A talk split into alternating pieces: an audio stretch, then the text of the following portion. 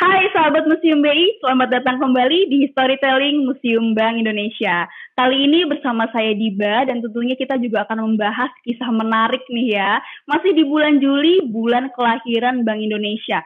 Kira-kira ada kisah menarik apa di balik hari lahirnya Bank Indonesia? Mari kita bahas bersama.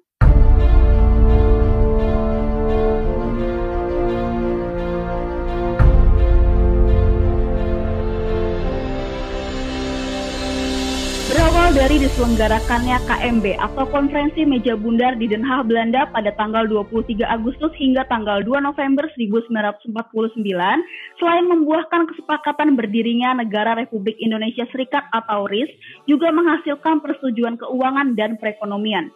Dalam KMB ini disepakati pula bahwa yang ditunjuk sebagai bank sirkulasi untuk KRIS adalah The Yavashi Bank atau DJB yang telah berdiri sejak tahun 1828. Sedangkan Bank Negara Indonesia atau BNI yang semula direncanakan menjadi bank sentral akhirnya ditugaskan menjadi bank pembangunan. Kemudian juga adanya gerakan massa di tanah air yang mendesak pemerintah untuk segera menasionalisasi atau mengambil alih aset milik Belanda. Dikarenakan juga pihak Belanda yang dinilai sering ingkar janji terbukti dari kasus Irian Barat yang wilayahnya semula dijanjikan untuk dikembalikan kurang dari setahun namun pada saat itu Belanda juga mengulur-ulur waktu. Meski beberapa tokoh di Indonesia masuk ke dalam jajaran pegawai The Yavashe Bank pasca bank tersebut ditetapkan sebagai bank sirkulasi untuk kris, namun masyarakat memandang bahwa bank itu tetap ada dalam penguasaan Belanda.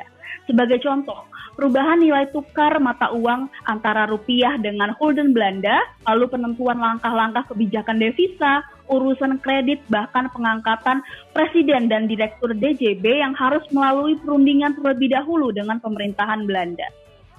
Tak mengherankan, bahwa pada saat itu ketika RIS dikembalikan menjadi Negara Kesatuan Republik Indonesia atau NKRI pada tanggal 17 Agustus 1950, beberapa elit pemerintah mulai mengkonkretkan wacana nasionalisasi.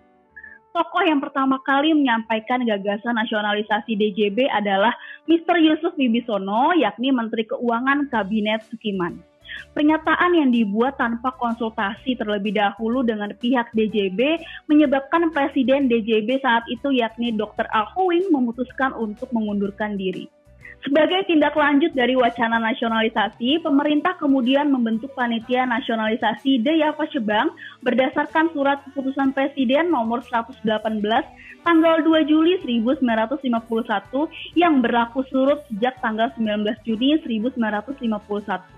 Panitia ini diketuai oleh Muhammad Sediono yang dibantu empat orang anggota, yakni Mr. Sutikno Slamet yang kelak menjadi Gubernur Bank Indonesia, lalu ada Dr. RM Sumitro Joyo Hadikusumo, TRB Sabarudin, dan juga Dr. Randes Hobianti.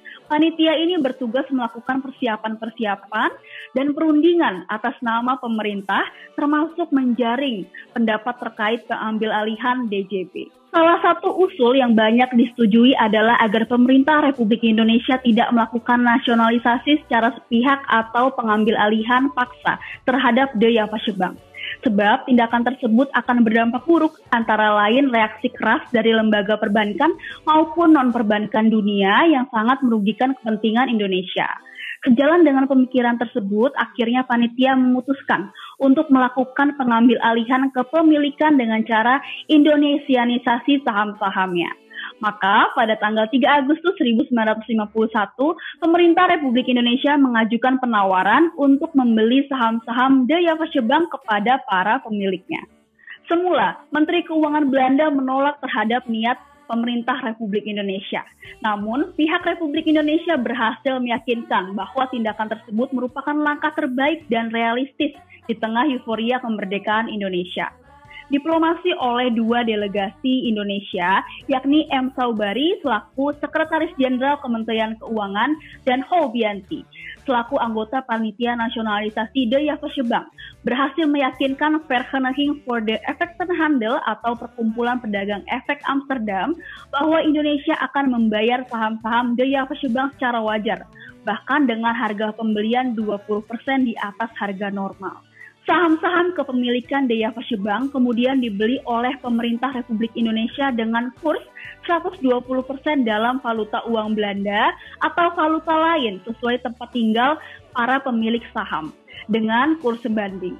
Dan kurs 360% untuk pemilik saham berkeluarga negaraan Indonesia dalam rupiah.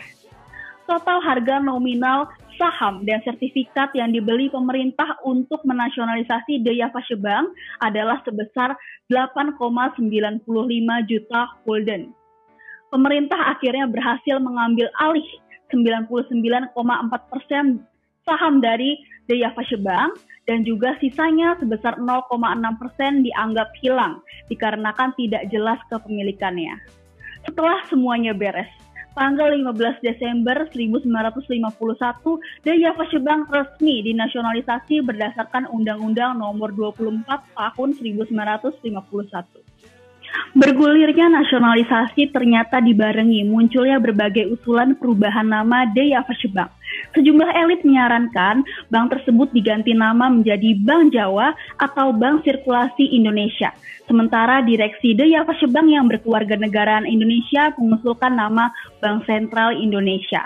Namun, semua usulan nama tersebut ditolak oleh Panitia Nasionalisasi Daya Bank dikarenakan nama itu tidak cocok bagi komunikasi internasional. Panitia akhirnya sepakat untuk memilih nama Bank Indonesia sebagai pengganti Daya Bank. Proses nasionalisasi Daya Bank semakin mengerucut ketika tanggal 10 April 1953 Parlemen menyetujui rancangan Undang-Undang Pokok Bank Indonesia atau RUU PBI yang diajukan oleh pemerintah. Atas persetujuan tersebut, pada tanggal 29 Mei 1953, Presiden Republik Indonesia mengesahkan rancangan tersebut menjadi Undang-Undang Nomor 11 Tahun 1953 tentang Bank Indonesia yang kemudian dikenal sebagai UU PBI yang diundangkan melalui Lembaran Negara Nomor 40 Tahun 1953. Undang-undang tersebut mulai berlaku sejak 1 Juli 1953. Dengan berlakunya undang-undang tersebut, nama Bank Indonesia secara resmi ditetapkan bukan saja sebagai bank sirkulasi tetapi juga sebagai Bank Sentral Republik Indonesia. Sesuai tanggal berlakunya UU PBI, 1 Juli kemudian diperingati sebagai hari lahir Bank Indonesia. Sambutan masyarakat Indonesia sangat antusias terhadap lahirnya Bank Indonesia. Dalam beberapa surat kabar nasional disebutkan bahwa lahirnya Bank Indonesia sebagai pembuka zaman baru di bidang keuangan. Dalam terbitan tanggal 9 Juli 1953, misalnya surat kabar Merdeka antara lain menyebutkan hendaknya tanggal 1 Juli 1953 kita pandang sebagai hari peresmian perubahan tujuan dan maksud pemerintah dan bank sentralnya sesuai cita-cita tiap-tiap negara yang betul-betul merdeka politik maupun ekonomis. Dalam perjalanannya, peralihan dari Bank menjadi Bank Indonesia tidak berjalan serta-merta. Hal ini terutama dikarenakan tenaga ahli dan kader-kader dalam jajaran pegawai Bank Indonesia masih terbatas. Dari segi kepegawaian misalnya, dari delapan jabatan direktur muda tak ada satupun yang dijabat oleh orang Indonesia. Begitu pula dari 32 pejabat di kantor pusat, hanya empat orang saja yang berkeluarga negaraan Indonesia. Melihat keterbatasan itu sekaligus untuk melakukan Indonesianisasi kepegawaian, Syafruddin Prawira Negara selaku Gubernur Bank Indonesia yang pertama menyelenggarakan pelatihan dan praktik kerja bagi calon staf yang ada di kantor pusat selama enam tahun dan juga di luar negeri selama enam tahun. Setelah melalui proses nasionalisasi yang panjang sejak tahun 1951 hingga 1953, akhirnya bangsa Indonesia memiliki bank sirkulasi sekaligus bank sentral.